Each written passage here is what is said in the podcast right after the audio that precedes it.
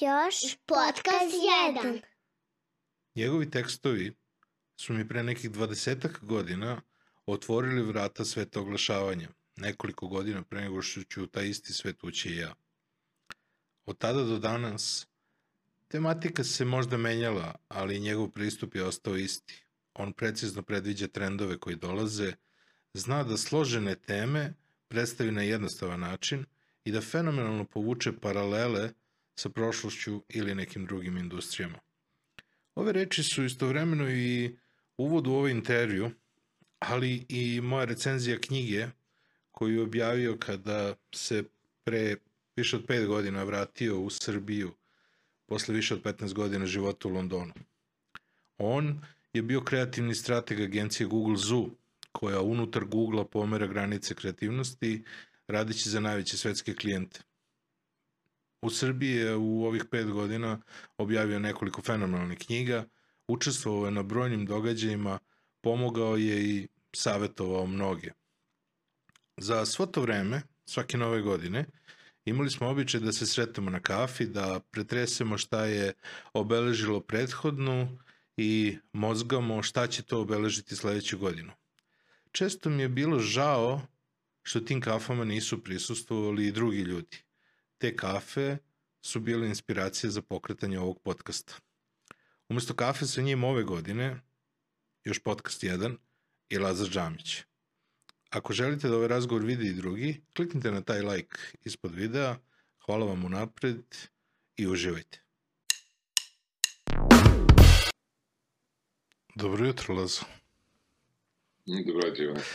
Malo mi je o, teže da, da radim ove jutarnje, jutarnje snimanja, ali a, mislim da mi je glas mnogo, mnogo bolji izjutra. Muževni. Da, da. A, znam da si ti radio na radiju, a, ja sam se trudio kada sam krenuo ponovo sa podcastom se prisetim onih nekih vežbi sa novinarskih radionica. Šta ti je još ostalo u glavi od onih brzalica i od ostalih stvari koje su uvek uče na radio? Znaš neko od njih i dan danas?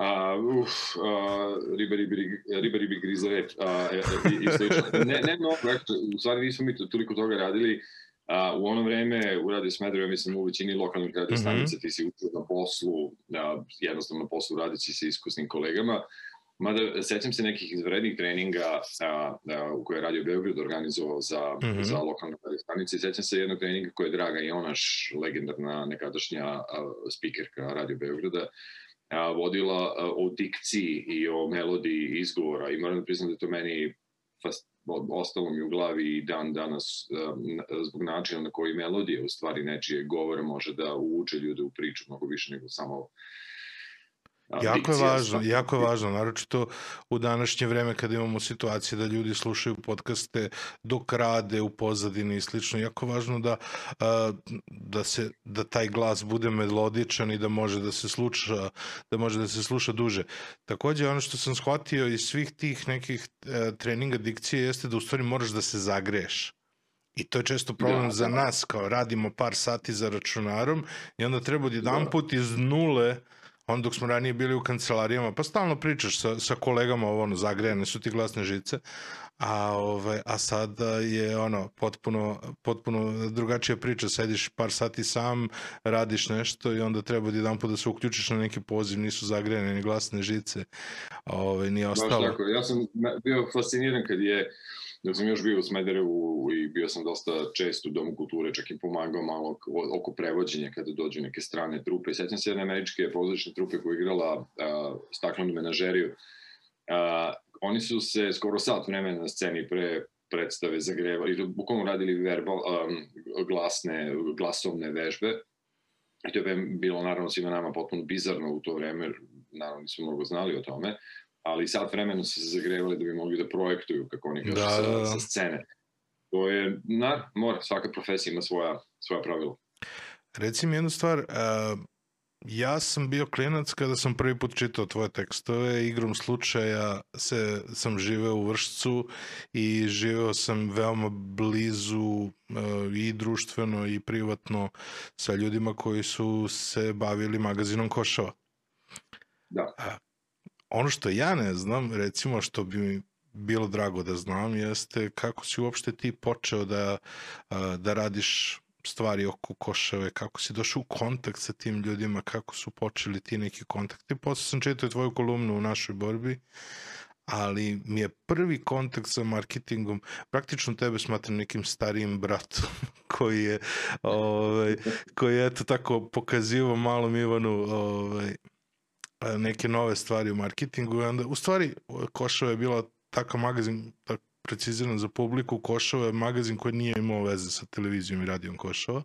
To je jedan visoko kvalitetni magazin koji se izdavao u Vršcu i Laza Džamić je pisao uh, marketing strane u tom časopisu. To je zapravo bilo toliko napisano jednim komplikovanim uh, jezikom sve ostalo da je meni jedino marketing prijeo ja sam samo, samo čitao Lazine tekstove a to je bio moj prvi da kažemo uh, prvi odškrinut prozor u svet marketinga. Hvala ti na tome, pre svega.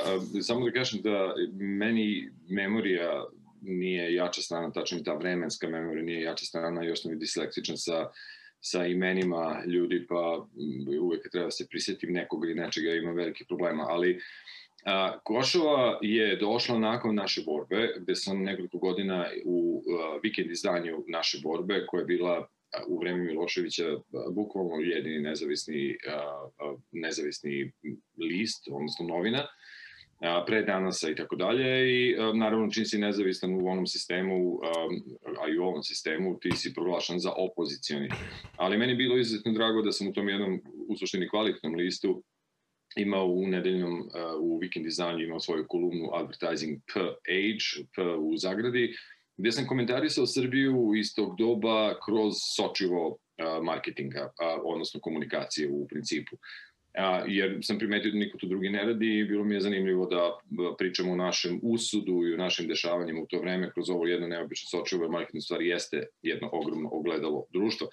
Kada se naša borba ugasila, kada je bila kupljena i onda nakon toga ugašena, ovaj, ljudi su se raspašili po različitim drugim redakcijama, kreiran je danas, i tako dalje i a, a, ja sam na neki način tražio mesto za tu kolumnu I onda se pojavio Mića, koji je u to vreme bio urednik Košave, magazina Košave. To jeste jedan nesrećan stice okolnosti da je Miloševića čerka Marija imala svoju radio stanicu to vreme pod istim nazivom, iako te dve, ta dva entiteta, magazin i stanica, nemaju apsolutno nikakve veze jedno s drugim i ne mogu mentalno i po uređivačkoj politici da budu, dalje jedno od drugih.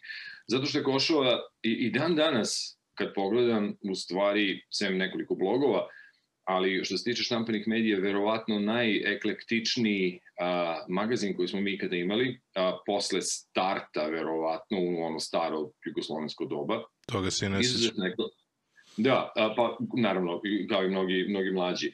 A, a, vrlo eklektičan u, u po pitanju sadržaja koje su objavljivali, bilo je tu dosta priloga iz umetnosti, a bilo je tu dosta priloga koji su pisali domaći intelektualci, bilo je, kao što kažeš, teških tekstova, tekstova koji su zaista ulazili u teoriju u različitih umetničkih dešavanja u to vreme, svetskih pokreta i ostalo.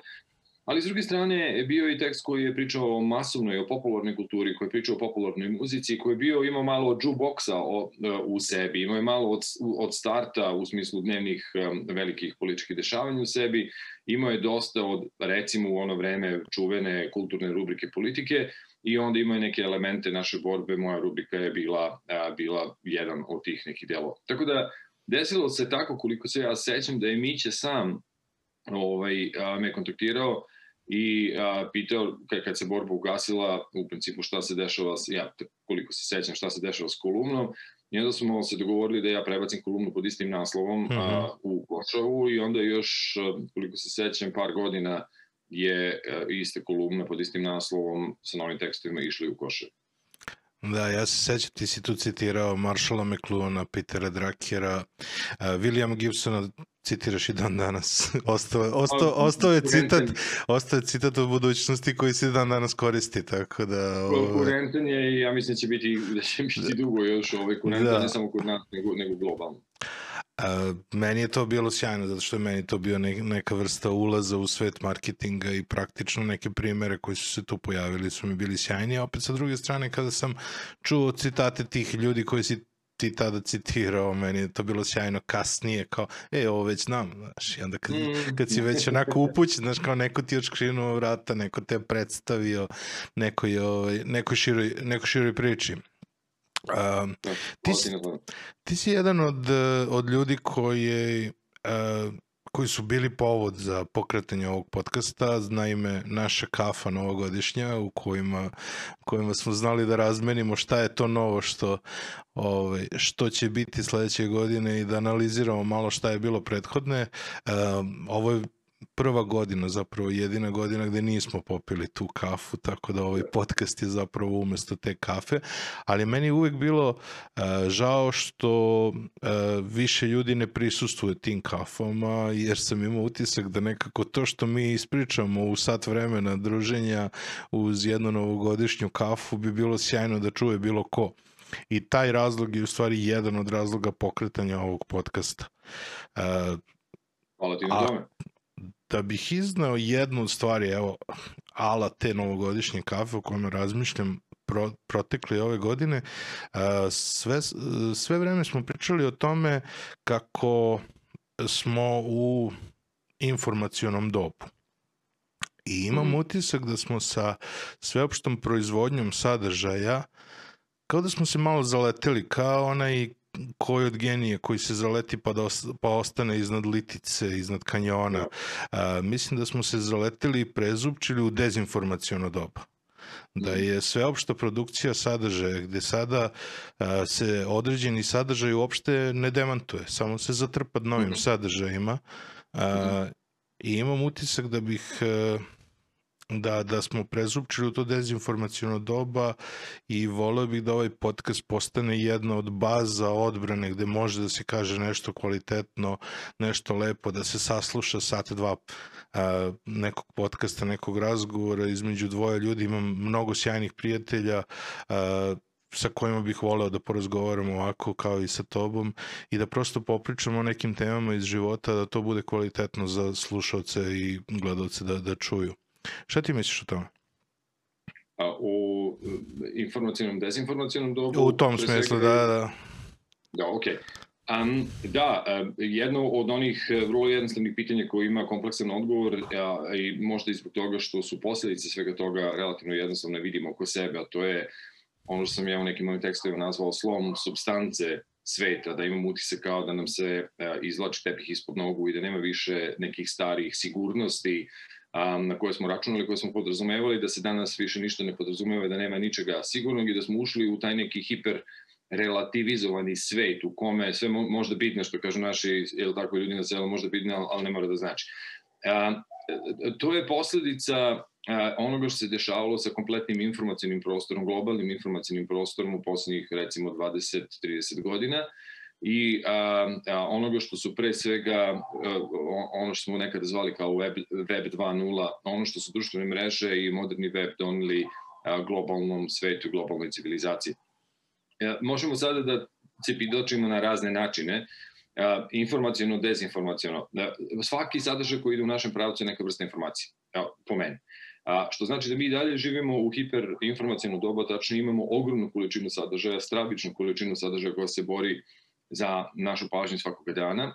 I mi nikada nismo imali civilizaciju, recimo ovde citiram Josefa Heatha, kanadskog filozofa koji ima tu fantastičnu knjigu koja dosta pominjem u raznim mojim tekstovima i izlaganjima, zove se Prosvetljenje 2.0, Enlightenment 2.0, um, koji ima tu vrlo dobru, dobro zapažanje. Mi nikada nismo kreirali civilizaciju u istoriji mm -hmm. ljudske vrste koja je bila više kognitivno zahtevna nego civilizacija koju živimo danas. Da ima toliko stimulusa koji se bore za našu pažnju, a naša pažnja je neurološki vrlo ograničeni resurs. Aha, aha. To znači da smo mi izuzetno kognitivno opterećeni, za razliku od naših ovaj, predaka. Jedno samo, če, često se citiraju ti podaci, jedno vikend izdanje a, jednog od poznatih recimo štampanih novina, evo i dalje štampanih novina u razvijenom svetu kao što su Times, londonski ili Guardian ili New York Times ili tako dalje, njihova vikend izdanja su vrlo debela, imaju sebi sve te silne dodatke. To jedno, samo jedno vikend izdanje sadrži više informacija nego što je recimo čovjek u 17. veku za ceo život. Ceo život, da, da. Tako da, recimo, a, e, naravno, razni izvori... A ima ta govore... statistika, ima ona statistika, ja sam to često citirao, ovo, ima ona druga statistika, ono da a, da dnevno dobijemo toliko informacija kao da pročitamo 174 novine od I, korica do korica. Znači, okruženi smo tim informacijama i svake se bori za našu pažnju, a bori se na način koji je uh, većinom, u većini mm -hmm. slučajeva unapred planiran, strateški planiran, naučno istražen da bi okinuo našu pažnju. Što znači da smo mi potopljeni u jednu ogromnu supu beskrenog a, protoka, odnosno naval informacija na nas od kojih se svaka bori i a, namerno je od početka dizajniran da proba da triggeruje našu pažnju. I mi smo prvo kognitivno opterećeni, drugo zbog sve te količine profesionalno opakovanih informacija, a, izgubili smo filtere u modernom a, medijskom prostoru, to je jedna od stvari koje je moderni internet doneo a, civilizaciji, a, pogubili smo filtere te gatekeepere, kako su ih zvali ranije u ovim tradicionalnim medijima, koji su se zvali urednici, pa su onda urednici birali sadržaj u odnosu na svoju uređivačku politiku, nivoje kvalitete i tako dalje i tako dalje. I naravno postoji ogromna količina literature koja kaže a to je imalo svoje loše strane, sad vidimo da je to imalo i svoje dobre strane, mm -hmm. ali taj deo priče se pogubio i mi sada jednostavno zbog nedostatka tih filtera, zbog nedostatka a, zbog ogromne količine informacije koje nas bombarduje, a, zbog toga što se naši životi u modernom neoliberalnom društvu postali mnogo više prekarijatski, mnogo više nestabilni, nesigurni, anksiozni i tako dalje, mi nemamo e, toliko sposobnosti za kognitivno procesovanje svega toga i najkraće rečeno teško nam je da prepoznamo, odnosno da beremo kome da verujemo. I a, onda smo uleteli u priču da na internetu sve izgleda kao da je istina, da je jako lako manipulisati informacijama, zato što je produkcijne tehnologije su sada demokratizovane i svima dostupne. Vrlo je lako na kompjuterima uraditi prilično pristojan CGI da izgleda kao da si uradio nešto u profesionalnom studiju, iako nisi, a čak i sama profesionalna oprema je mnogo dostupnija. Što sve omogućava mnogim igračima na globalnom i lokalnom nivou koji imaju razne svoje agende, političke i komercijalne i tako dalje, da se prezentiraju kao um, kredibilni izvori kredibilnih informacija i onda naravno odmah ulazimo u tumačenje šta je kredibilno i za koga je nešto kredibilno i ko kaže da je nešto kredibilno. Da, da. Znači vraćamo se na ove filtere. I tu smo uleteli u tu jednu priču da zbog a, izuzetno relativističke a, prirode tog modernog medijskog prostora, teško nam je da a, prepoznamo i da fil, filtriramo informacije koje će šta postoje se pitanje. Upravo to. Koja bi onda bila uloga tog, tih informacija, kako kažemo, pravih informacija, onoga što nije fake news. A, I i tu, tu odmah upadamo u jednu ogromnu filozofsku debatu kako merimo da li je nešto dobro, da li je loše. I onda kažeš da li merimo na, na ličnom nivou, da li je to konstruktivno za mene kao osobu, da li čini moj život boljim, u kom smislu. Da li je konstruktivno za određeno društvo, da li čini život u jednom društvu boljim, konstruktivnijim ili ne, i da li je to bolje za našu civilizaciju, tačno da li nas u agregatu vodi u nekim konstruktivnim, boljim pravcima, u smislu da većina ljudi ima bolji život sa manje napora ili ne. I kao što možete zamisliti što je jedno ogromno civilizacijsko pitanje gde su hiljade, hiljade hiljade knjiga posvećene tome i milioni debata na ovu temu. A kako da ljude naučimo da budu uh, neka vrsta svog gatekeepera? Tu je ogroman problem, ono što sam shvatio, uh, a to je da ljudi kada žele, kada počnu blago da veruju neku temu, sad nisu ono hardcore ušli u određenu priču, nego blago počnu da veruju u određenu temu e, s obzirom na postojeće algoritme, šta im se posle toga otvara, što na YouTube-u, što na, na ostalim mrežama, e, oni praktično počinju da, e, bilo šta u šta blago veruju, e, softver i količina informacija počnu da, da ojačavaju taj, taj tip verovanja, jer prosto algoritam e, je jako pametan da shvatiš šta ono što ti želiš da pogledaš. I onda ti samo Tako servira još gomilu tih sadržaja i onda tvoje blago verovanje postaje odmah uh, odmah vrhunsko ono i postaje Tako. ovaj od, odmah unaprediš ono u što veruješ. Tako je. I tu ima, ima dva pitanja u, u tvom pitanju. Jedno je na koji način bi mogli da razvijemo neku vrstu treninga, što je izuzetno teško, to odmah moram da kažem tu sam dosta skeptičan na tu temu. I druga stvar je samo delovanje algoritmova, odnosno ne samo algoritmova, nego kompletnog a, modernog medijskog prostora, koji je u stvari pravljen od početka i dizajniran sa jednom vrlo specifičnom potrebom, komercijalnom potrebom, a to je da maksimizuje vrednost naše pažnje. A, pošto naša pažnja je u stvari glavna moneta, pažnja a, koja je jednako vreme a, u tom svetu, a, a, je glavna moneta u toj priči i a, a, što više pažnje određena platforma, određeni ekran angažuje, više može da monetizuje to. Mm -hmm. a, onda naravno algoritmi su jedan od, jedna od velikih, velikih aspekata kako da se a, maksimizuje ta pažnja, jer naravno ljudska priroda i statistika nam kažu da a, ljudi će više pažnje i vremena posvećivati stvarima za koje su zainteresovani nego onima za koje nisu zainteresovani, da ako imaš taj jedan sistem signala i malih gurkanja u pravcu u kome si zainteresovan, ti provodiš sve više i više vremena u toj, u toj zoni. Ljudi vole da dobijaju stvari u koje već veruju ili stvari koje im već prijaju iz različitih psiholoških emotivnih razloga. Tako naš um jednostavno radi. I onda algoritmovi su to ukapirali i počeli da pumpaju sve više i više takvih sadržaja u našu okolinu, odnosno u naš mozak. A, to je posledica toga da a, poslovni model, a, moderni medijski poslovni model, pre svega u digitalnom prostoru, je model koji je baziran na monetizaciji pažnje. I naravno onda čitav ekosistem je predatorski štelovan da je da maksimizuje tu pažnju po svaku cenu. A ovo drugo što si rekao, uh, trening, tu sam dosta skeptičan. Taj trening je jako teško izvesti iz nekoliko razloga. Prvo zato što mora bude sistemski, vrlo teško je raditi na ličnom nivou. Prvo mm -hmm. mora budeš osvešćen da ti se nešto dešava i da želiš nešto s time da uradiš, što je vrlo mali broj ljudi dođe do tog nivoa, mm -hmm. individualno. A ako nemamo sistem koji nas, da kažem, gura u tom nekom pravcu, a to znači ako ideološki sistem u određenoj zemlji nije posvećen jednom a, racionalne, kreiranju racionalnijih građana mm -hmm. a, sa više kritičkih a, sposobnosti, ukoliko obrazovni sistem nije pravljen tako da nas od vrlo malih nogu, od bukvalnog obdaništa trenira za kritičko razmišljanje i ono što ja zovem odbranu od arhetipskih narativa pre svega, od tih -hmm, velikih priča, mm -hmm. od tih jednih misli koje ti simplifikuju ceo život u jednu ideologiju, jednu misao i tako dalje. Ono što je Andrić rekao jednom Dobrici Ćosiću, kaže, molim vas, pazite se jedne misli ovaj, nemojte nikad ima, i, verovati samo u jednu stvar.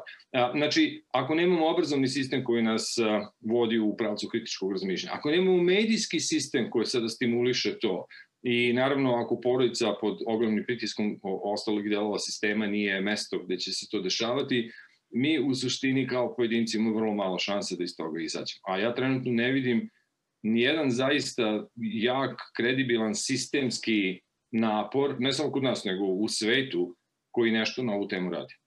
Sem možda nešto malo Skandinavije. Dobro, da li aktivizam, vidio sam da, da često a, ti svoj e, prostor na društvenim mrežama ustupaš da pohvališ kvalitetne kampanje, u, naročito u domenu aktivizma. Da li postoji neka vrsta, neki način da jednostavno a, da, da pomognemo da kroz neke kampanje a, da, da da imamo više ljudi koji se bave aktivizmom koji bi zapravo e, naučili ljude da, da razmišljaju svojom glavom, da, da ume, da postoje filteri koje možeš da uključiš, da postoje načini na koji ćeš da nateraš algoritme da ti serviraju i različite stvari. Deo je tvog truda, uzmeš, odeš na nekoliko različitih tema, pa onda neće algoritam da te zatrpava samo sa jednom temom, to je ta jedna misa o kojoj ti kad te pričaš. Imam utisak da postoji dosta prostora za neke akcije i za neke edukacije, pa ne moramo, znaš, na kraju dana ne moramo ni, ni, ni e, da, da to bude za veliki broj ljudi. Dovoljno je da, da promenimo da promenimo pogled nekolicine da onda oni mogu. Ti si, to mi je bilo sjajno kada si rekao da bi Hitler i Goebbels obožavali društvene mreže. da. Da. Oni bi to... apsolutno obožavali moderni medijski prostor, to bi njima bio takav poklon s neba. To mi je sjajno. A, još si pričao o tome da a, da je jako važno da u ovom trenutku okupljamo uh, oko sebe uh, ljude sa kojima možemo upravo da vežbamo to kritičko razmišljanje, sa kojima možemo da sukubimo mišljenje, ali da ti ljudi su tu i da mogu da prihvate da postoje različita mišljenja. Jer danas je veliki problem da budeš u sivom. Danas je sve otišlo uh, u nekom pravcu crnog i belog. Ja uh, dolazimo do toga da su ljudi u problemu ako imaju razmišljenje koje nije između crnog i belog. Uopšte ne mogu sebe, znaš, imam utisak kao da, da, da, da ljudi imaju potrebu da se svrstavaju E, da svrstavaju apsolutno sve u određene, e, u određene ono, foldere, u određene sekcije i kao, aha, i onda svako, svako tvoje mišljenje gleda otprilike u koji folder ovaj, treba da te svrsta. Uh, da, da, i to je tačno, i to je vrlo, vrlo tačno. Nažalost, i opet priroda modernog uh, medijskog prostora je takva manihejska, što bi se reklo, mm -hmm. da mhm. nas odmah deli na crno i belo, na dobro i zlo i tako dalje. E, iz vrlo jednostavnog razloga, takva vrsta razmišljanja je emotivno razmišljanje. A, što više emocija imaš u konzumaciji sadržaja i u ponašanju na ekranu, a, što, što je više emocija, to je više pažnje, a, što je više emocija, to je više klikova. Mm -hmm. a, mhm. tačnije, što ima više emocija u reakcijama na sadržaje, to je bolje za platforme koje te pla, sadržaje uh, plasiraju u komercijalnom smislu. Zna, mi znamo da ljudi koji su besni na nešto više klikću, mi znamo da ljudi koji su emotivno angažovani na razne teme provode više vremena u prostoru, čitajući članke, komentarišući, opet deleći, uh, uh, klikćući, Sve su to parametri KPI-evi za monetizaciju tih platformi koji onda shareholderima i advertizima pokazuju vidi koliki je engagement na našim stranama. Što znači da emocija u stvari, naša pažnja se triggeruje kroz emocije i emocija je izuzetno važan mehanizam da bi se dobila ta monetizacija. Što više polarizacije, to bolje za te platforme. Nije dobro za nas kao društvo, ali je fantastično za biznis. Um, I naravno, ta, te dinamike su ugrađene u samu strukturu, samu dinamiku većine digitalnih platformi. I to je jedan od razloga zbog čega su mi toliko podeljeni. Ali moram da kažem da ovo samo igra na već postojeću evolutiv, evolutivne delove naše prirode, to je ono što i Kahneman i mnogi drugi o čemu su pisali i ono što mi znamo u krajnjoj iz, iz marketinga ili iz propagande, mm -hmm. a to je da mi smo evoluirali kao vrsta kao takozvani kognitivni majzeri, odnosno kognitivne cicije. Mm -hmm. Ono što, što je vrlo tačno za ljudsku vrstu, a vrlo malo se priča o tome, je da mi ne volimo da mislimo. Ljudska vrsta ne voli da misli. Jednostavno mi izbegavamo da mislimo kad god je moguće i uvek se, gde god je moguće, bacamo na neke heuristike, takozvane prečice kognitivne, koje nam, koje nam čuvaju mentalnu energiju. Aha, aha, i onda da, donosimo odluku bez razmišljanja na, na, na, na osnovu... Na emocije, aha. vrlo često. Sad, u zavisnosti od istraživanja vidjet ćeš 90-10, 90% su prečice, 10% je mm -hmm, racionalno mm -hmm. razmišljanje, 80-20. Različite sada istraživači i izvori će ti dati neke različite podatke, ali nema sumnje da u većini našeg dnevnog ponašanja, najveći deo našeg uh, uh, ponašanja se bazi na takozvanim kognitivnim prečicama ili heuristikama. I to je ono što marketingaši i propagandisti vrlo dobro znaju i što eksploatišu već vekovima, ne samo decenijima u modernom društvu, već vekovima a, ta empirijski su prepoznali da mi imamo tendenciju ka tome. A jedna od tih tendencija je grupisanje u grupe, polarizacija u mi i oni, gde su mhm. drugi, drugo, nepoznato, novo je uvek negativno i počinje se iz negativne baze, potencijalna opasnost, potencijalni neprijatelj i tako dalje. I onda to je dovelo do izuzetno jednostavnih, ali vrlo efektnih formula. Svaki dan ih gledamo i u našoj zemlji i u našem okuženju i globalno. A, najbolji, naj, najjednostavniji način vladanja a, u većini zemalja je vrlo jednostavna formula. Daj narodu nekoga da voli i nekoga da mrzi u isto vreme i vladat ćeš do veka. Sjajno. Uh, ono što meni uh, u svemu tome kako sam ja to video i onda sam shvatio da sam pogrešio, uh, a upravo mislim da si mi dao pola, to, pola odgovora, a to imao sam utisak da treba svesti komunikaciju na jednostavne i kratke poruke koje će biti uh, lako razumljive.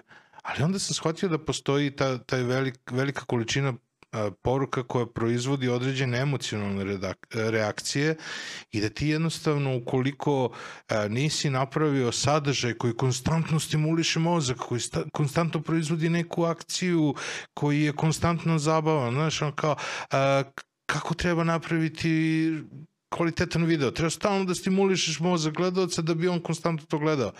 Ne, kao želim da, da, da imam jednostavnu i čistu priču, kao, ali to ne pravi zabavu. Pa, naći ću trenutak kada ću, ovaj, kada ću pronaći to, tu publiku, ali jednostavno, ako želiš da ti poruka bude kratka i jednostavno, imam utisak kao da ne možeš da dosegneš do šire publike.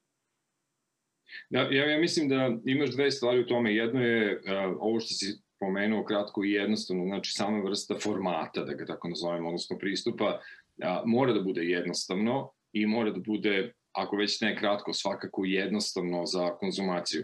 A, pomaže naravno u modernom prostoru, medijskom prostoru, makar kao ulaz u priču da to bude i kratko. Tako jednostavno je e, kondicionirana se trenutno naša mm -hmm. pažnja u ovom prostoru. Mada ti kad pogledaš e, podatke, svake godine na YouTube-u, na primer, a to su sadržaje koje mi obično želimo mm -hmm. da mhm, gledamo, mhm. nisu reklame, nego idemo namerno da bi to gledali, svake godine 10 a, najgledanijih videa na YouTube-u svake godine su duži od 3,5 minuta a, 10 najgledanijih brand videa na YouTube-u svake godine su duži od 3 minuta. Što znači da kratko, dugo, nije možda toliko uh, drastična, da kažem, konverzacija, jer jako zavisi od toga na koji način sam ti ubao tvoje interese, tvoje emocije i na taj način te uveo da odgledaš mm -hmm. nešto što će biti 3 minuta dugo.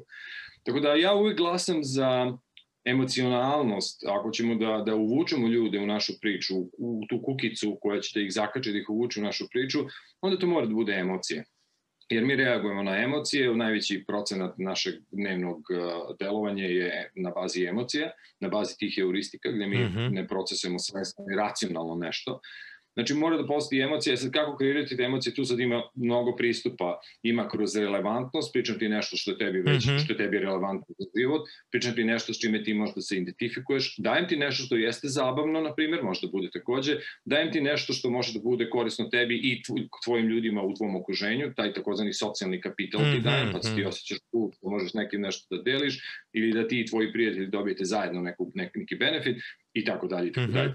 Znači, Kako ćemo emocionalizovati, to je sada neka druga priča. Ali mislim da je jedan od, eh, kad se vraćamo se opet na, na našu onu prethodnu diskusiju, jedna od, eh, po meni, najvećih zabluda dobro mislećih ljudi, do, ljudi koji stvarno bi žele da, da stvari vode u konstruktivnijem pravcu, u tom nekom pravcu prosvetljenosti. Eh, velika greška je njihovo što misle da su informacije dovoljne da samo to što će dati nekome objektivnu informaciju će već biti dovoljno, to će biti dovoljno za jedan, e, po meni, empirijski manji procenat ljudi u ukupnoj populaciji, ali neće biti dovoljno za sve, odnosno neće biti dovoljno za većinu. Ako nemamo e, dobro pripovedanje, ako nismo to spakovali u dobru emotivnu priču, opet kažem emotivno na različite, definisano na različite načine, mislim da će efekt toga biti drastično umanjen. Mi moramo da koristimo iste a, a, a, a, psihološke metode, da to tako nazovem, koje koriste upravo oni koji a, nas čine neinformisanim, koji nas čine plemenski opredeljenim, koji nas stalno drže u toj kuti mi protiv drugih i tako dalje, jer ako mi ne ubodemo emocije tih ljudi, ako ne, nismo u stanju da dođemo do emocija tih ljudi, jednostavno iz, gubimo bitku kao što već i vidimo. Mm -hmm. A, baš na tu temu sam i hteo da, da, da pričamo oko još nekih stvari, a to je uh, sadašnji trend, meni je to trenutno uh, veliki fokus i dosta istražujem na tu temu da veliki brendovi pojednostavljuju svoje logotipe. Uh, mm. Ti si pričao o toj količini informacija i sada kao što znamo ano, postoji signal, postoji šum I imam da. utisak da, da e, upravo velike kompanije žele svoje logotipe i svoje obeležavanje brendova da svedu na minimum da bi e, njihovi potrošači mogli da prime veću količinu drugih informacija, a informacije njihova, dakle, prvi korak je bio pre nekoliko godina, pre 4-5 mm. godina, tada sam video da su recimo sve velike kompanije svele svoje znakove na nešto što može da bude avatar na društvenim mrežama. Dakle, sve, sve firme su imale, su počele da svode svoje logotipe, tako da je apsolutno sve jedno kako, kojim fontom je ispisano ime kompanije, dokle Mm. god je znak može da stane u kvadrat ili u krug. A sada Da. sam video da i sve te kompanije i mnoge druge bukvalno pojednostavljuju logotipe uh, sa tehničke strane, tako da logotip bude samo potpis komunikacije i to je to. Upravo očigledno iz svega ovoga što si ti rekao. Iz... Pa, pa jeste posledica opet modernog medijskog okruženja. Um, je, mislim, ono što smo videli, ti isto si potopljen u literaturu na tu temu, um, videli smo da mnogi logotipovi, na primjer, ajde uzmemo njih kao jedan specifičan primjer, da mnogi logotipovi postaju dvodimenzionalni i postaju izuzetno redukovani, odnosno vizualno jednostavni za reprodukciju. I naravno prva stvar koju ljudima pada na pamet, opravdano, a, jedan velikih razloga za to je kako će taj logotip da izgleda kada se stavi u, gore u naslov strane, akaunta, znači naloga, na Facebooku, na Instagramu, na TikToku i na drugim društvenim mrežama. Jednostavno, stari, stari pristup koji je bio vrlo često trodimenzionalni, koji u sebi imao razne teksture, metala, drveta, razne gradijente, odsjaje i ostale stvari koje jednostavno ne funkcionišu uopšte u tom mikro, jednom mikroprostoru. Što znači da je veličina tog prostora počela da definiše a, način na koji ćemo vizualno da pristupamo, na isti način, posebno na mobilnim telefonima, na isti način na koji mobilni telefoni i video na mobilnom utiče i sada na kadriranje recimo filmova i videa. Da, Znači, da, jedan da. od trendova koji je poznat je da mi imamo mnogo više close-upova, mnogo manje onih velikih landscape shotova sa mnogo detalja i tako dalje. Način, vizualna poetika se menja zbog uh, kanala na kojima konzumiramo sadržaj. Isto to se sada dešava i sa logotipima, odnosno sa korporativnim identitetom mnogih firmi. Tako da to je jedan veliki razlog. Drugi razlog je a, to što a, a, sada većina brendova radi u takozvanom omni-channel svetu, što znači da mi sada, jedan marketingaš na razvijenom tržištu ima 60-70 različitih kanala, odnosno platforma na kojima radi, što znači da moraju da prave svoje ekosisteme i jako je komplikovano koordinirati i organizovati aktivnosti kroz toliko različitih eh, medijskih eh, prostora. Da bismo delovali u različitim medijskim prostorima sa različitim poetikama, sa različitim načinima konzumacije sadržaja, ali i sa različitim gramatikama, jednostavno mentalnim stanjima u kojima su ljudi kada su u tim prostorima. A, I brend i vizualno ispoljavanje brenda bi moralo, kao što se sad shvata, da bude malo neutralnije. Jednostavno da se a, a, samo a, prenošenje određenih a, a, energija brenda mm -hmm. da postane malo neutralniji i da se omogući različitim publikama u različitim prostorima da upisuju sada u taj brend šta god oni hoće da upišu na bazi svih ostalih stimulusa i sadržaja koje brend radi. Da, ali u, fanal, I, a, u je- finalnom zbiru će dobiti više sadržaja, zar ne? U- Upravo tako, a, ali to onda znači da brand postaje um, a, širi, da brand postaje, ajde da kažemo demokrati, demokratičniji, da brand postaje a, s- ko-kreacija, ono Mhm. čemu se dosta pričalo i pisalo od Clue Train manifesta pa, pa na ovamo, da brand postaje ko-kreacija, mnogo veća ko-kreacija smisla između publike i samog brenda. Brand je danas sve više ono što mi kolektivno zaključujemo da brand jeste, a ne samo ono što brand kaže sam. Mhm, A to, to mhm. su pametni brendovi ukapirali već ima, boga mi, 15 godina. Danas ni, jako je ograničeno šta ti sam možeš da od sebi kreiraš, nego možeš da daš ljudima osnovu i platformu određene, određene vrste, da oni sad počnu da upisuju značenje a, tvog brenda u tvoj brend sami po sebi. I ta vrsta psihološke mentalne fleksibilnosti, ja mislim da se vidi u tom pristupu. Ali, ali nije to novo, znaš, to ono što, me, što mi je bilo interesantno kad smo, kad smo uh, četovali na ovu temu. Uh, u stvari nije novo, brendovi su jedno od najadaptibilnijih stvorenja u, na, na našoj planeti. A, u smislu da a, mi imamo sada brendove, neke brendove koje su više od hiljadu godina stari, Da, da. mnogo su stariji od mnogih država, recimo britanska kovnica novca koja se tretira kao firma, kao, kao firma, ona je osnovana Dobro. 886. godine, ne 1800, nego 886. godine, znači 1200, 1300 godina stara firma. A mnoge firme poznate, Twinings, a, Zildjian, Činele i tako dalje, stare su po 400-500 godina. A, Pojet u tome da mnogi brendovi traju dugo i evoluiraju, naravno prate svoje kulturne a, okruženja, političko-ekonomsko okruženje i tako dalje, Mhm. i stalno evoluiraju i svoje ekspresije. A zašto? Pa zato što ima jedna divna knjiga, zove se Brand Society a, Martina a, Kornbergera, koja uradi neku vrstu filozofije brenda, brendova. I on tu ima jednu divnu frazu, kaže, brendovi su organizovane jeresi. Aha, brendovi aha. su pravljeni od početka da se stalno menjaju, da ne budu fiksno zakucani, nego da stalno evoluiraju, da se stalno menjaju i da stalno dovode u pitanje neke svoje prethodne postulate u zavisnosti toga kako se okruženje oko njih menja. Mhm. Drugim rečima, oni su neideološka ideologija na neki način. I ja mislim da je to divna fraza, a, organizovana jeres, gde ti planski organizovano stalno sebe menjaš. I ovo o čemu si, što si ti pomenuo, ovaj debranding, odnosno pojednostavljenje vizualnih aspekata, ja mislim da je jedan od aspekata iste te filozofije u našem modernom medijskom okruženju. Da, ja, ja sam pronašao jednu definiciju koju sam ja koristio kada, kada je bilo priče, uh, kada sam držao predavanje o brandingu, a to je da upravo ovo što si sada rekao na, na jedan potpuno drugačiji način i fenomenalno mi je, a to je da je u stvari brand zbira emocija. E, zbir emocija koje e, se dešavaju, znači brand ima neku, neko obećanje i publika Da. ima neka očekivanja. Da. I u stvari Da, pravo, bre, apsolutno. pravo brendiranje nastaje u hemiji između uh, onoga što brend obeća i šta je ono što publika očekuje. I to Da, je onda zbir svih emocija koji pr- proizvedu tu neku, taj neki odnos. Tako je, tako je. Ja, ja isto u svojim predavanjima koristim jednu čudnu frazu, volim tako da zbunim ljude ponekad i kažem, a, baš kad pričam o brendovima, obično krenem sa a, frazom da li, ka, da li mi verujete ako kažem da brendovi ne postoje u realnom svetu? I ljudi kao, vidiš kao, kao čekaj o čemu ti to pričaš.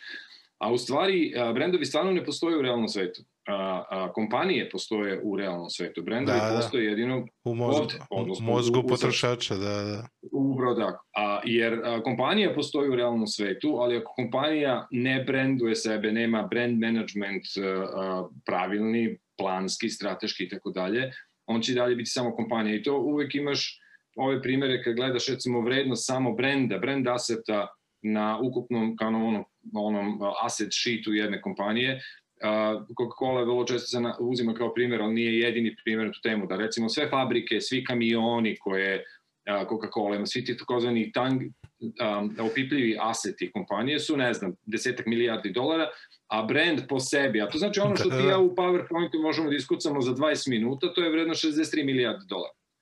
Znači sve fabrike da im izgore, svi kamioni da budu prodati, sve opipljivo da propadne, njima ostaje 63 milijarde dolara i mogu da, da nastave da rade u roku od 3 meseca kao da se ništa nije desilo. ostavite mi ime, Ali uzmite ako- sve, ostavite mi ime. To znači da kažem, ali ako zadrže, za, a, a, a, ako zadrže sve fabrike i kamione, a prodaju nekome pravo na brend, to znači Da, da. boju, oblik vaše, font i tako dalje, ta kompanija više ne postoji. Ćao. Da. A, ko je rekao ono lepote u, u oku potrošača, e, u oku posmatrača? Posmatrač, stara Da, da, fraza, ne da. znam odakle dolazi, da Da. li iz Biblije ovo- ili iz nekog od tih Ovo starih spisa. ovo je super, u stvari, brand je u srcu potrošača.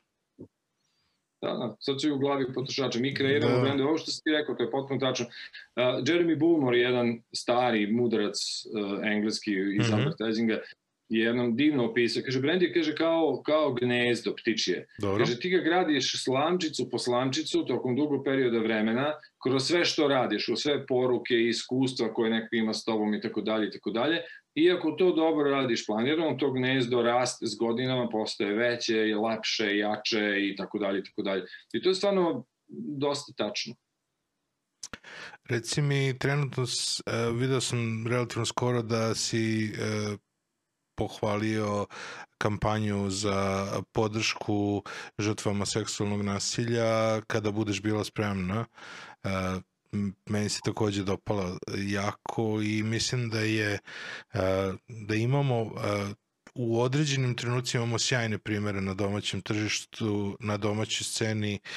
Kako, koje su sve neke stvari koje su ti se dopale u Srbiji za ovih pet godina? Koliko si tu da su baš onako ti ostavile upečatljiv trag da ćeš želiti da ih pomeneš i u budućnosti kao dobar primer uh, komunikacije. Da, da, ja sam tu malo loš na tu temu, pošto nisam mnogo potopljen u- naš medijski, mm. -hmm. čak ni stručni prostor, ali Uh, jako mi je drago ovo što si pomenuo za, na, kad si spremno, zato što evo do sada 25.000 pregleda sam imao na, na LinkedInu tog mog posta, što nikad ranije mi se ne desilo ni sa čim drugim. I to mi je bilo jako drago da je 25.000 ljudi bilo izloženo tome. A, očigledno je to nešto o čemu mi moramo da pričamo mnogo, mnogo više. A, I naravno znamo da je to nešto što se na svakodnevnom nivou dešava mnogo više nego što bi svako voleo. Um, tako da je to jedan od primjera tih divnih stvari, ima ih dosta, nažalost ja ne pratim sve to, ali i dalje mi je divno i ohrabrujuće da vidim um, dosta ljudi koji razmišljaju van samo svog nekog ličnog, pre svega materijalnog ili statusnog interesa, koja autentično zanima društveno dobro, da tako to kažem, koji zaista troše svoje vreme, čak nekad i svoj novac, da bi radili stvari koje ne donose neposrednu korist, e, zato što je društveno korisno. A, sad ima, ima raznih primjera, ima raznih primjera NGO ili humanitarnih mm -hmm. kampanja. Ima primjera a, projekata koje rade a, razne naše kolege sa NGO-ovima ili sa drugim organizacijama gde im postavljaju platforme, treniraju ih za bolju komunikaciju svojih poruka i tako dalje dosta dešavanja.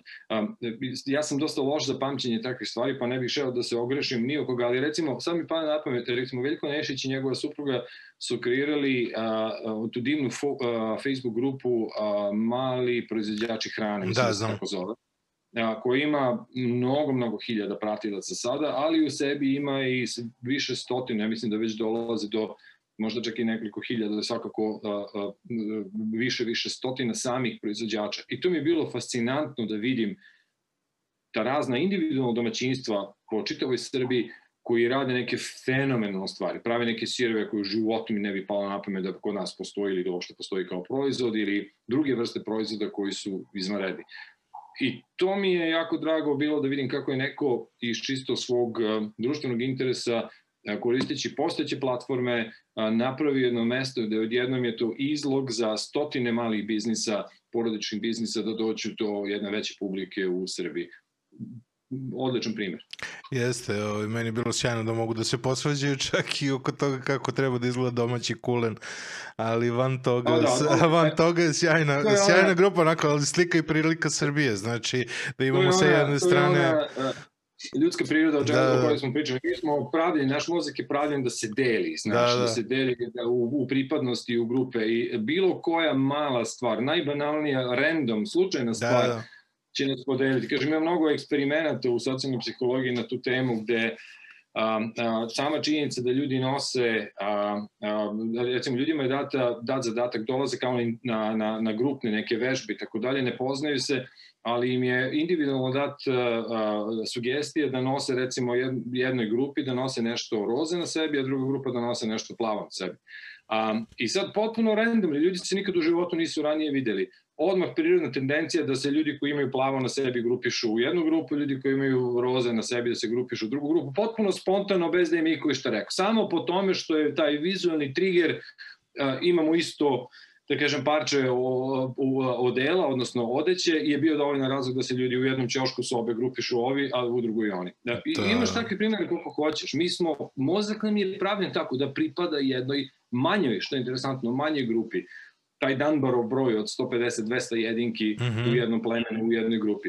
A jedino veliki narativi kao što su ideologije i religije, e, narativi o naciji, mm -hmm. narativi o nacionalnim pripadnostima kao što su religije, to su jedine metodologije koje smo mi razvili kao, kao vrsta mm -hmm. da može da nas grupiše u veće grupe mm -hmm. od mhm. nekoliko stotina hiljada ili miliona ljudi.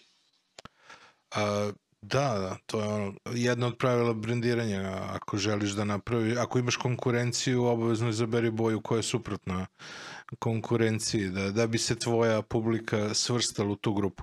E, to je Da, video sam da, da dosta pratiš i e, te neke aktivističke stvari koje su, e, koje su trenutno aktualne u Srbiji, primarno ekologija,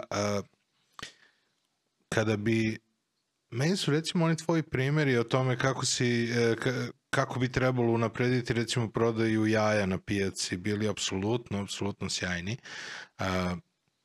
Koji je neki, e, kako bi na, na takav način, da možemo i da, da brainstormujemo zajedno, a, na takav način kako bi mogli da pomognemo organizacijama koje se okupljaju oko jednog cilja. A, u kom pravcu bi, bi mogli da im pomognemo da, da, da su, mislim da je tu glavna stvar da prošire svoju priču, to je broj jedan, a broj dva da, Mhm. da, da smanje, mislim da je tu i važan pokazatelj uspeha da smanje broj ljudi koji ih samo podržava na društvenim mrežama, nego da stvarno pokrenu ljude koji će izaći iz svoje kuće i uraditi nešto konkretno. Kako njima Ovo pomoći? drugo će biti veći problem, da, zbog toga što imamo jednu kulturu u kojoj mi živimo, koja je kultura nemešanja i kultura prilično, da kažem, neaktivna jedna kultura naše građanske svesti na nižem nivou od razvijenih zemalja, to mogu ovako, da, da kažem, sa sa nekom dozom empiričke sigurnosti. Jednostavno mi nemamo taj trening od malih nogu da radimo grupno, Mhm. da se udružujemo u grupe da radimo nešto zajedno i pre svega da radimo nešto aktivno. I to kao što vidiš, uglavnom su manje grupe ljudi koji to rade. A, Postoje neki mehanizmi gde bi to moglo da se stimuliše svakako, ali o tom potom. Međutim, ovo prvo je mnogo bitnije. Ja sam radio treninge za razne NGO-ove na temu njihove komunikacijne strategije. Prvi savjet je učite od brendova. Nije slučajno da su ti momci tako uspešni. Oni znaju kako da pričaju svoje priče, već vekovima ih pričaju na vrlo emotivne načine. Znači, moraš da znaš kako da pričaš svoju priču. Uči od brendova. Mhm. Kako se brenduje nešto, kako se brenduje ideja, kako se brenduje proizvod ili usluga. Mi nemamo, naši NGO-vi nemaju taj trening. Uopšte niko ne dobija taj trening, nikada. Imaju treninge iz različitih zakonskih uh, aspekata i tako dalje, niko ih ne trenira u, u, u komercijalnoj, odnosno u, u, u dobroj emotivnoj komunikaciji. I onda se svode na bullet pointe koje su dosadni koje niko neće da čita. E, moraju da nauče kako da emocionalizuju ta, te stvari o kojima pričaju. Moraju da, a, emocionalizacija se najčešće radi tako što mi razumemo publiku koju pričamo, nađemo tačke, to ono što Google zove moments that matter, bitne momente u životu naših publika I onda kažemo, gde su momenti u životu naših publika gde ovo što mi imamo da kažemo, da ponudimo, uh, zaista ubada u te neke momente. I sad onda, ako radimo zagađenje, to je izuzetno emotivna teritorija. Ti imaš decu, ti imaš mm -hmm. stare, ti imaš bolesne, ti imaš nekako ne vidim, vidim to, ali onako površno, pominje se kao fraza, ali nema dramatizacije, nema zaista dramatizacije toga. Nema dramatizacije da deca protestuju protiv zagađenosti vazduha. Oni su uglavnom matori. Da, da. Nema, nema toga da astmatičari, zašto astmatičari ne izađu i naprave proteste ispred Skupštine zbog zagađenosti vazduha. Nemamo jednostavno emocionalizaciju tih nekih priča, nego imamo te neke ljude iz nekih NGO-ova koji idu i citiraju svoje policy, book, ove brošure i otprilike to je to. I to je moj glavni, glavna zamerka, glavni problem nema komunikacijnog treninga uh, u mm -hmm. NGO sektoru i to komunikacijnog treninga koji se bazira na dobrim principima komunikacijne strategije koje brendovi znaju. Mm -hmm. Da, oni u principu kada napišu projekat popune bullet pointe i to je ono kao iz PowerPointa ono, dakle popune šta je otprilike neka, neka određena sekcija a to da stvarno Mislim, se ispriča da. priča da, ovo mi je super Nažalost, znam, radio sam te treninge sa njima i baš pogledam njihove materijale i tako i bude mi jako žao zato što mnogi od njih pričaju o nenormalno jakim emotivnim stvarima koje dotiču mm -hmm. sve nas s kojima mnogo ljudi može da se identifikuje ali nema probijanja te, te, te emotivne barijere. Glavna greška je to što se oslanjuju samo na informacije. Bez emocionalizacije teško će se probiti u današnjem medijskom prostoru.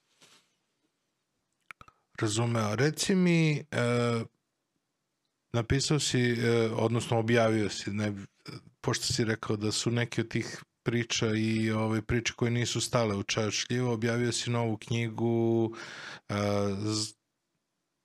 Putevi pored znakova, da sam dobro izgovorio. Da. Ovaj, reci mi, ja sam očekivao u stvari knjigu koja će biti, baš sam, baš sam ono jedva čekao da vidim kako ćeš ovaj, napraviti naslov, pošto je meni uh, čaj od šljiva vrhunska kombinacija Srbije i Engleske, dakle sa jedne strane imaš čaj, sa druge strane imaš šljive.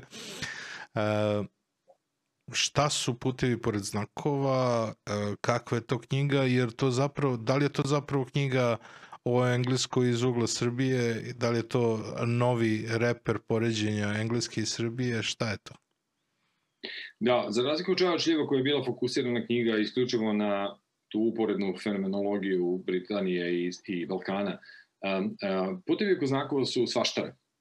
A, to je jedno moje opušteno pismo Srbiji, jedno moje ljubavno pismo na neki način Srbiji, a jednostavno podlačenje moje neprivatne životne crte, Uh -huh. a, karmičke crte, ok, o, to uliko od mene na ove teme do sada, sad idem da radim neke potpuno desete stvari, ti vratno znaš mi se sledećeg leta vraćam u London, a, pratimo našu čerku koja ide tamo na studije i Dana i ja krećemo sa potpuno novim profesijama, novim životima i novim stvarima koje ćemo raditi tamo. Tako da je ova knjiga na neki način podvlačenje te jedne, jedne životne crte a, posle šest godina, tada sledeće mm -hmm. godine biće šest godina života u Srbiji. Knjiga se sastoji iz tri dela. Jedan, prvi deo je po, po kome je knjiga dobila naslov je zbirka kolumni iz vremena, putevi oko znakova, gde sam jednostavno pisao o tome šta se dešava u modernom svetu, ove neke stvari o kojima smo ti ja govorili, mm -hmm.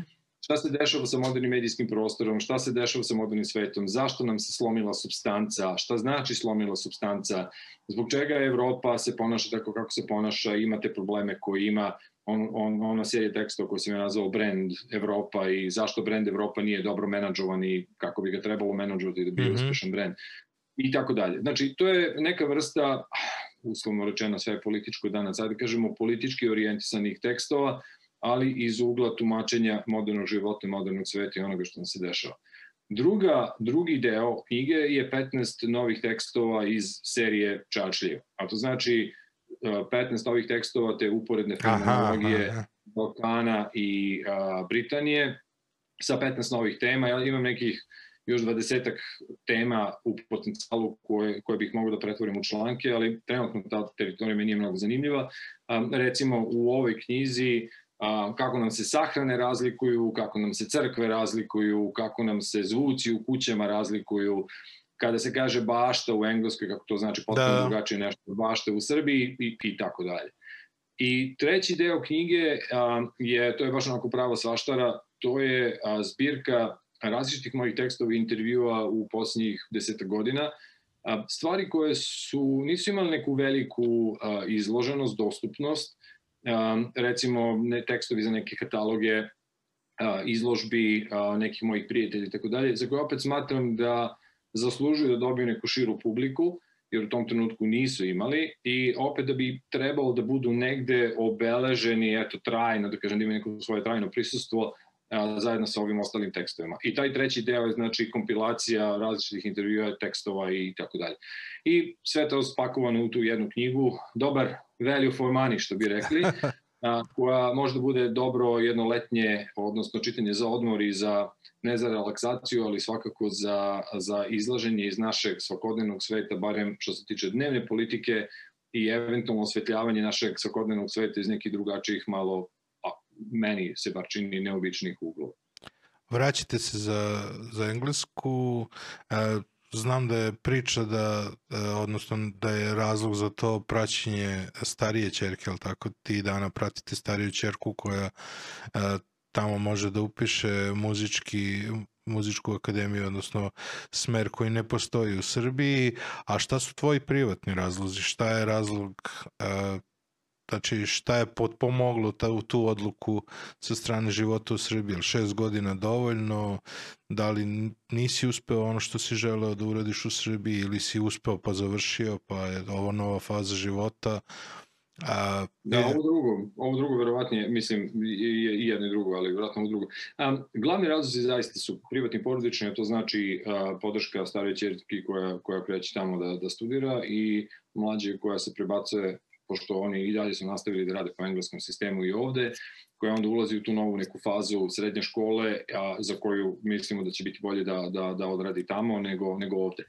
A, to je apsolutno glavni razlog. A, a drugi razlog je zbog toga što i dana ja planiramo neke projekte a, koje nam je mnogo lakše da izvedemo odanda nego odavde. A, ja u mom slučaju, na primjer, planiram jedan fizički proizvod koji jeste mhm. vezan za našu oblast, za našu materiju, ali je fizički proizvod a za koji i proizvodnja i distribucija, globalna distribucija, čisto iz logističkog, carinskog, pravnog, poreskih i tako dalje razloga, mnogo mi je lakše da to radim iz Londona nego iz Srbije. A, I a, otprilike to, to su neki glavni razlozi.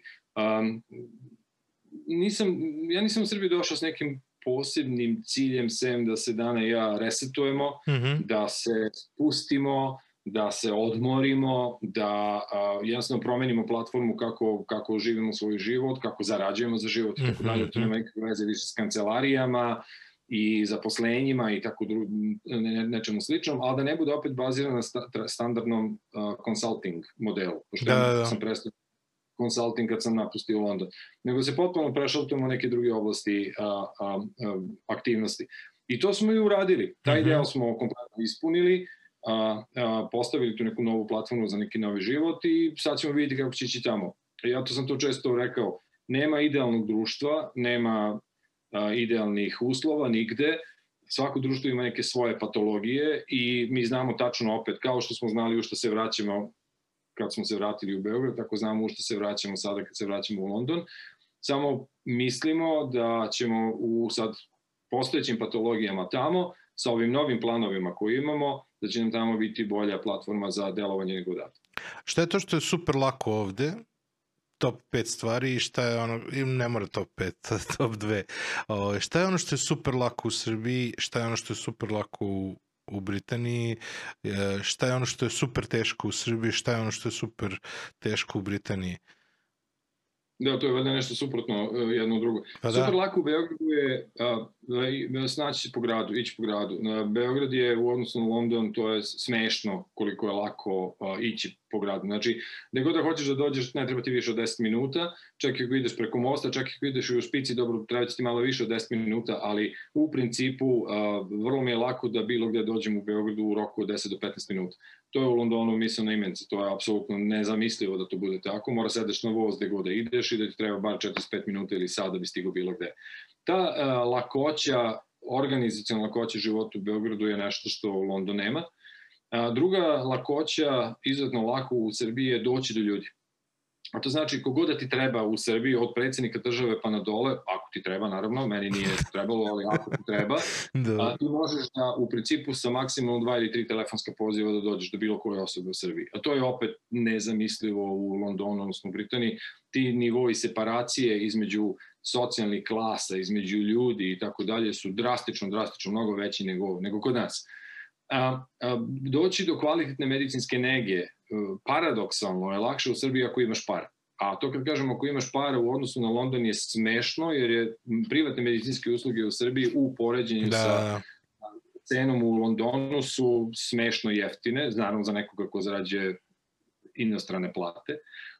Doći do tih do pregleda, doći do čak operacija, ja sam operisao žučnu kesu privatno ovde i to je bilo smešno. To mi je bilo kao tri vađenja krvi u Londonu, a pri tome sam operisao u jednoj najboljih privatnih klinika i tako dalje. Mm -hmm. Nešto što je jednostavno nezamislivo, nezamislivo u Londonu. Znači, postoji, postoje aspekti života pod uslovom da može da ih priuštiš, a u Srbiji koji su drastično jednostavni, lakši a, nego u Londonu. S druge strane, većina stvari vezana za biznis, za poreze za i tako dalje, drastično lakše u Londonu. Znači ja u Londonu da bi radio svoj biznis uopšte ne moram da imam firmu kao prvo. A, ne moram da osnovim firmu. Da, znam Drugo, to. Fakturisao sam ja fizičkim licima na znači, polju i oni su meni trader, plaćali kao fizičko lice. Tako, ono što se zove Soul Trader, ja samo pošaljem online, vrlo kratak formular online njihove poreskoj upravi, online, samo kažem ja se od danas registrujem kao Soul Trader, to znači izdajem fakture, koristim privatni račun za to, isti račun, moj privatni račun, ne moram da otvaram firmu, ne moram da otvaram poseban račun, ne moram ništa da imam, nemam plaćam nikakve paušale. I odnosno koliko ti para prođe kroz račun, imaš tačno navedene nivoje koliko plaćaš porez za određenu vrstu prihoda na tom tvom privatnom računu i to je to. A, to je znači jedna stvar. Druga stvar je to što nema poreske uprave u kojoj fizički možeš da ideš. Ne postoji zgrada koja se zove poreska uprava. Ima dva call centra, jedan u Belfastu jedan u Cardiffu I to je to. Sve se radi online, telefonom i online i telefonom. A, nemaš znači zgradu koju prvo možeš da odeš i da treba da odeš. Sve što ti treba od dokumenta dobijaš online, vrlo, vrlo brzo i lako.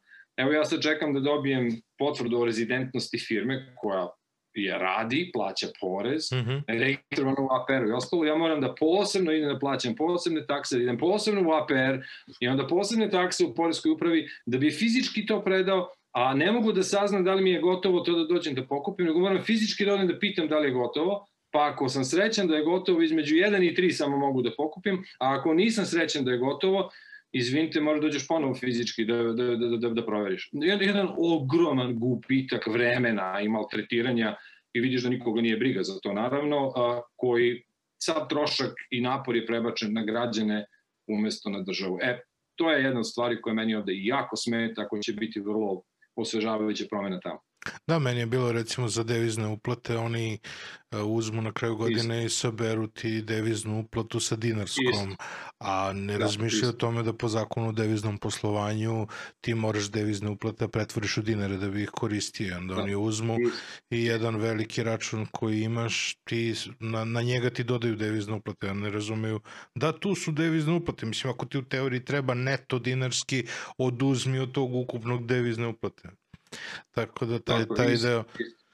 Ovaj, mislim, kod nas ti neki svi zakoni postoje, ovo je sad isto imamo situaciju sa freelancerima, to je ogroman problem, što nažalost taj zakon postoji, ali je to zakon gde gde recimo ono pozorište u Smederevu ili u Vršcu želi da angažuje reditelja pa je zakon o ugovoru uh, ugovoru po delu mislim uh, Tako da a, po tom zakonu bi praktično freelanceri trebalo da, da, da plaćaju porez i da podnose individualnu porezku prijavu i zato imaju probleme jer niko u porezkoj nije to hteo time da se bavi.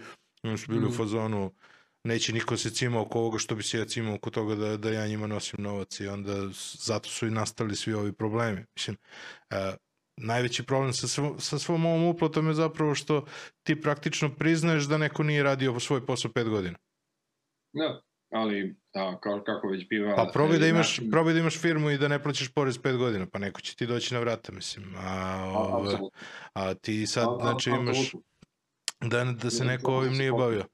Dobro, znači vraćate se u Englesku, e, imate neke nove planove, šta je od toga javno, šta je od toga e, nešto što je konkretno, šta je to što e, jel ima, ima neka konkretna priča šta tačno želiš da, da, da radiš u budućnosti, gde vidiš sebe ili ovaj, je to otprilike samo a, promena pozicije i da ovaj, a, kakva je priča sa pisanjem, šta imaš u planu što se pisanja tiče, ti si od uvek želeo da pišeš zapravo i na engleskom, zar ne? Ove, ovaj, tako da mislim da su ovi, ovi planovi sa srpskim, e, ove knjige, što bi se reklo srpske, su su bile praktično neki intermenco, da se vratiš u, u mod pisanja, zar ne?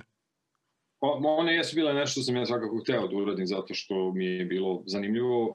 Čačljiva definitivno će biti sa ovim novim tekstovima, to je jedan od projekata koji hoću da prevedem na engleski zato što mi dosta mm -hmm. naših dijaspore koji su udati ili oženjeni za strance, pitaju ili imaš na engleskom ili imaš na engleskom, bilo bi jako gorisno kad bi on ili ona pročitali takođe i tako dalje. Konačno sad shvatam gde su nam bili problemi. Vrlo zanimljivi komentari su bili. Znači, to hoću definitivno da prevedem na engleski, to moram sednem ja da prevedem, odnosno da ga ponovo napišem, izvinjam se na engleskom i zato treba vremena. To je jedan od, mm -hmm. jedan od projekata.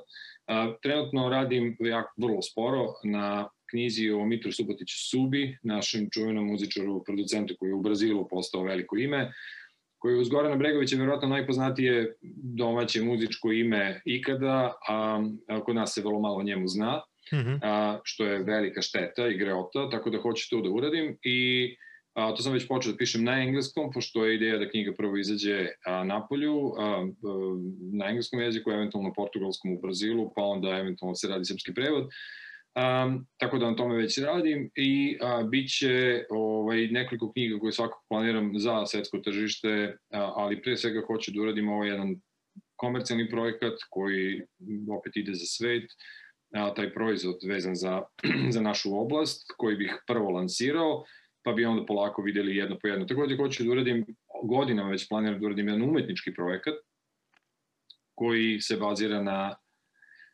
na mnogim, mnogim od stvari o kojima pišem sam pisao u tekstovima na razumevanju modernog sveta, ali objašnjeno kroz infografike kao umetnički format. Mm -hmm. Infografike pretvorene u umetničko delo, odnosno umetnički format i to sam već započeo da radim, ali zahteva dosta vremena, tako da je to još jedna od, od ideja koje bih volao da odradim tamo. Bić, bi, ima svačega. Mm -hmm. A, Postoji jako mnogo ljudi, naroč, e, naših, za koje smatraš da se nedovoljno priča o njima, ali skoro si pomenuo Zorana Veljkovića, pa je meni bilo ja. mnogo malo sam istražio, ali zašto ljudi treba da znaju? Zoran Veljković je član BAFTE, evo za početak. A drugo, Zoran Veljković je direktor fotografije koji radi sa nekim najpoznatijih režisera na svetu i glumaca.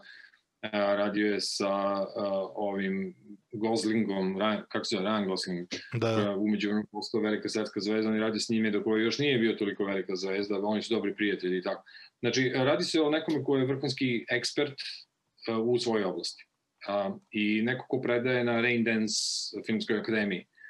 A, ono što meni je fascinantno je da za sve ove godine, bar koliko ja znam, izvinjam se unapred, možda mm. -hmm. grešim, možda nemam taj podatak, ali koliko ja znam, nikoga odavde nije pozvao da dođe makar seminar da drži Da, da. je, što mi je jako bizarno, ali tako. A, svakako od njega možemo da naučimo nešto i a, ne samo u, iz oblasti profesionalne filmskog stvaralaštva, nego uopšte moderne vizualne poetike i tako dalje i tako dalje. A, I to je jedan od primjera, ja sam mnogo puta rekao, mi u svakoj oblasti ljudskog delovanja, fizika, neurologija, vakcine, šta god ti padne na pamet, e, ti kad pogledaš, mi imamo među prvih pet ili deset mozgova na svetu neke naše ljude To su, Među prvih da, pet da, da. deset vodećih stručnjaka su naši ljudi. A, ono što ja ne vidim, a, čak ne vidim uopšte da oni dobijaju javni prostor. Znači neko Vlatka Vedrala Ma niko da nema pojma. da uradi, da uradi jedno predavanje, javno predavanje na temu razumevanja kvantne, kva- kvantne fizike danas i teorije njegove, ali on je veliki zagovornik te teorije da u stvari u pozadini svemira je informacija. Mhm. I šta to stvari znači? Je, izuzetno zanimljiva tema je za širu publiku, ne samo za fizičare, naravno. Nisam video da je on imao tu, tu platformu. Da ne govorimo o tome, da neko kaže nekome kao Vlatko, Mhm. evo ti državna podrška da napraviš institut. Evo ti a, državna podrška da treniraš kadrove kod nas koji će biti trenirani na svetskom nivou, po svetskim metodologijama, a, sa svetskim znanjem i tako dalje. Nema ništa od te strukturalne, zvanične strukturalne podrške, bar koliko ja vidim. Znači, opet možda grešim, pošto nemam naravno vizibilnost a, svega, ali mislim da nam to jako fali. Najveći kapital trenutno intelektualni se nalazi u našoj dijaspori. Pa- Naša zemlja toga To nema apsolutno. Ali čak i da, da su to prevelike investicije, evo ti lokacija gde ćeš da odeš, da budeš mesec dana u Srbiji godišnje. Znaš, da ajde da ti ne, da ti ne, ajde da ti ne kvarimo, da ti ne kvarimo život. Ajde da ti ne menjamo Apsolutno. život, da te dovodimo u Srbiju, da praviš institut, ali ajde da se dogovorimo. Jedan mesec godišnje dođi negde na neku planinu u Srbiju i do, dovodit ćemo ti na po sedam dana četiri grupe ljudi koji mogu da nauče od tebe najnovije stvari iz, iz, iz sveta. I lepo i imaš 12 vrhunskih stručnjaka koji će da ti dolaze svakog meseca po jedan i u toku tih 12, eh, 12 meseci puta četiri stručnjaka lepo uzeo si i imaš 48 eh, ljudi koji su, koji su pokriveni treningom. na primer, apsolutno to je jedna stvar koja ne zahteva tako nikakve pare. Druga stvar je a, koristeći njihov intelektualni kapital, kapital da se naprave programi kod nas, silabusi na različitim našim obrazovnim institucijama koji će biti u skladu sa, svetskim, sa svetskom A praksom. to posebno, ali ali tu strašno, to je strašno ovaj, veliki otpor uvek sistema A ti kažem, da promeni postoji nešto, samo mislim. To, Da, to, o, to znam i lično, otpori su stravični iz različitih privatnih, statusnih i ko zna kojih drugih razloga, ali ajde da počnemo samo od, to, od toga da ti imaš programe koji će biti savremeni svetski programi, a ne nešto što je pravljeno 86. godine i nije se pomerilo 86. do danas. Znači, tu već može Mhm. da bude njihov uticaj. Treća stvar je iz ličnog iskustva opet. Postoji jedan broj naših ljudi koji su sada na nivou svoje karijere da planiraju neku vrstu povratka, ali i dalje razmišljaju o tome šta i kako je, koji bi sa sobom mogli da donesu i da dovedu kapital. Ljudi koji su jako dobro pozicionirani na tim tržištima, koji već imaju pristup kapitalu, pristup institucijama koji bi bile spremne da ulože kapital, da oni sami dođu ovde da naprave taj institut uglavnom sa stranim parama. Ali za to ti treba jedno stabilno pravno okruženje, treba ti garancija tog kapitala, treba ti to da ti se niko ne meša, da ti traži deal i nešto drugo da bi se to desilo. Jednostavno ljudi neće se bakći sa tim. Da, da. Pa, mislim, neki od dobrih tehnoloških primjera su e, kompanije koje su napravljene od ljudi koji su e, napravili nešto na polju pa su se vratili u Srbiju ili su bar deo firme razvijeli ovde ili bar neki razvojni centar su napravili ovde, a deo firme bio na polju. Sad je recimo interesantan i taj model da recimo prodaju drže u Americi, a da razvoj drže ovde, jer onda to, to pravi relativno da. dobar balans. Ali ova stvar uh, i ono što si malo pre rekao, meni, meni je to ono, po, poprilično vidljivo među univerzitetima i fakultetima. Dakle, najmodernije programe zapravo imaju fakulteti koji su noviji, koji su kojima je lakše da promene program i slično da, da ga oblikuju. Uh, tu je uvek ona, ona stara priča da dok završiš fakultet pola stvari u tehnologiji konkretno bude zastarelo kada, kada završiš tu, tu celu priču. A to je sa starijim fakultetom slučaj, ne mora znači sa novim, jer novi fakultet radi u real time. Mm -hmm. Novi fakultet, nova obrazovna institucija prvo koristi jako mnogo online programa, a, a, koristi se mnogo materijala koji su realni, kurentni materijali. Mm -hmm. Problem toga da mi kad kažemo fakultet mi mislimo nešto teorijsko i nešto što je zastarelo. A, ne znači to isto napolju. U većini razvijenih zemalja fakulteti su stvari među vodećim institucijama u istraživanju koje onda curi u industriju. Da, da. A, znači, mnogo intelektualnog kapitala ide iz akademske sfere u industriju, jer oni su, da kažem, stimulisani da to rade, Kod nas je obrnuto. Kod nas je skoro sva ekspertiza, stručna ekspertiza u mnogim oblastima u praksi, a ne u akademiji. I mi nam u stvari ono što nama treba, Srbiji specifično, je reverzni transfer znanja, gde iz prakse ljudi moraju da ulaze u akademiju, jer akademija u većini slučajeva, evo znam da ljudi mogu da tumače kao vrlo paušalnu izjavu, ali je baziran na mom ličnom iskustvu, u većini slučajeva, ne u svim, ali u većini slučajeva mi smo beznadežno intelektualno zastarili. Mm -hmm.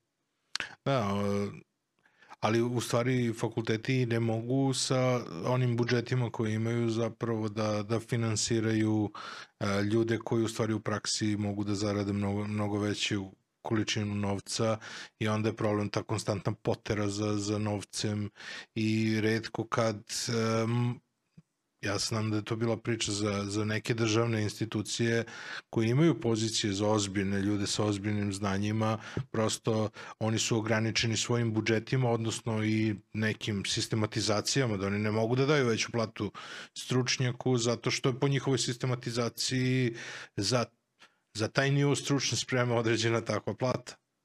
Ja. Da, ne radi se toliko parama iz mog iskustva, zaista se ne radi toliko parama, mm -hmm. radi se o pristupu pre svega. Znači, e, sve ovo što govorim, govorim uglavnom iz ličnog iskustva i razgovora koje imam sa drugim kolegama sa drugih akademskih institucija. Mnogi iz prakse, naravno, mm -hmm. mnogi od naših stručnjaka u praksi bi bili spremni da besplatno naprave silabus i program za mnoge naše fakultete. Mm -hmm. Znači, kažu, ok, treba mi modern program iz određene oblasti, koje god je to. Evo, uzmemo recimo defektologiju. Sam, sam naziv je već grozan kod nas. Znači, da. u Hrvatskoj se ljudi zovu rehabilitatori, um, u razvijenim zemljama i drugačije a nazive te profesije. Niko ne koristi za defekt u nazivu, ti kažeš nekome kome pomaže da je defektan. Mislim, fašistički je naziv u stvari. Izvini što se da- smejem, ali upravo si pa, Samo jeste. Pa jeste. jeste tako, tako. Pa jeste. Mislim, u Narodnom frontu ti je, u Narodnom frontu ti je uh, savjetovalište za, za sterilitet. Pa ja. treba bude protiv steriliteta, a ne za sterilitet.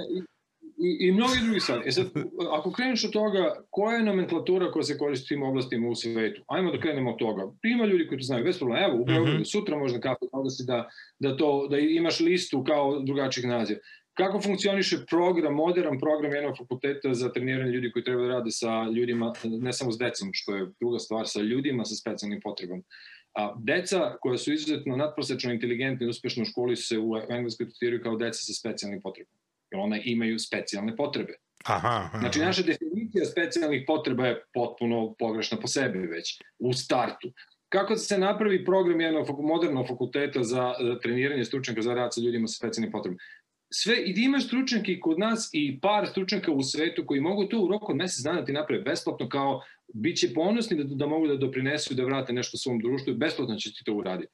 Problem da, da. tome što ih niko nije pitao. Ne samo da ih niko nije pitao, nego oni su anatema, oni su najveća opasnost da se puste u, da uđu u sistem. Oni su, da, opasno za sistem. U... Interesantno, oni su strano telo praktično, ako ih ubaciš u sistem. Totalno, Da, da. totalno strano telo. To je jedan od mojih kolega upravo i rekao, kaže, mi smo antitelo da, za da. sistem. Mi se tretiramo kao antitelo. Da, ali ima, ima stvarno sjajnih ljudi ovaj, i ja sam baš i video u stvari da ljudi koji su koji žele da, da unaprede svoje znanje i slično ovde dobiju neka osnovna znanja i onda idu ovaj, u inostranstvo naročito na postdiplomske, na postdiplomske studije i ja i dan danas imam jako mnogo prijatelja koje sam upoznao u Petnici za koje znam da su po, po celom svetu. Tako da i među nama postoji jako... Znam da je pre nekoliko pre nekoliko godina je bilo intenzivna saradnja između, recimo e, u Vojvodini su napravili da su poljoprivredni instituti recimo neka dobra karika između e, prakse, odnosno privrede i akademije, tako da za neke stvari su stvarno napravili sjajne stvari, ali ovo što o čemu ti govoriš mislim da je jedna od e, stvari koje stvarno može da, da pomogne unapređenje svega ovoga.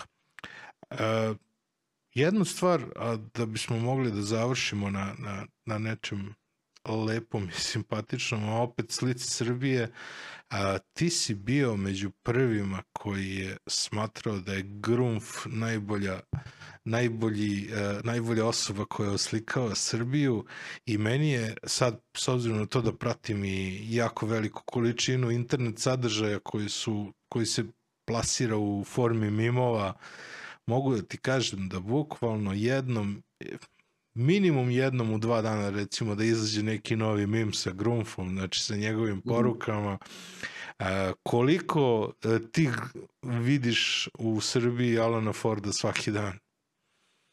Mnogo, nažalost. Mnogo. Um, ali bukvalno svaki dan. Da li postoji šansa da dobijemo cvećarnicu 2? To je ono što mene zapravo interesuje. Mislim kao knjigu ili kao...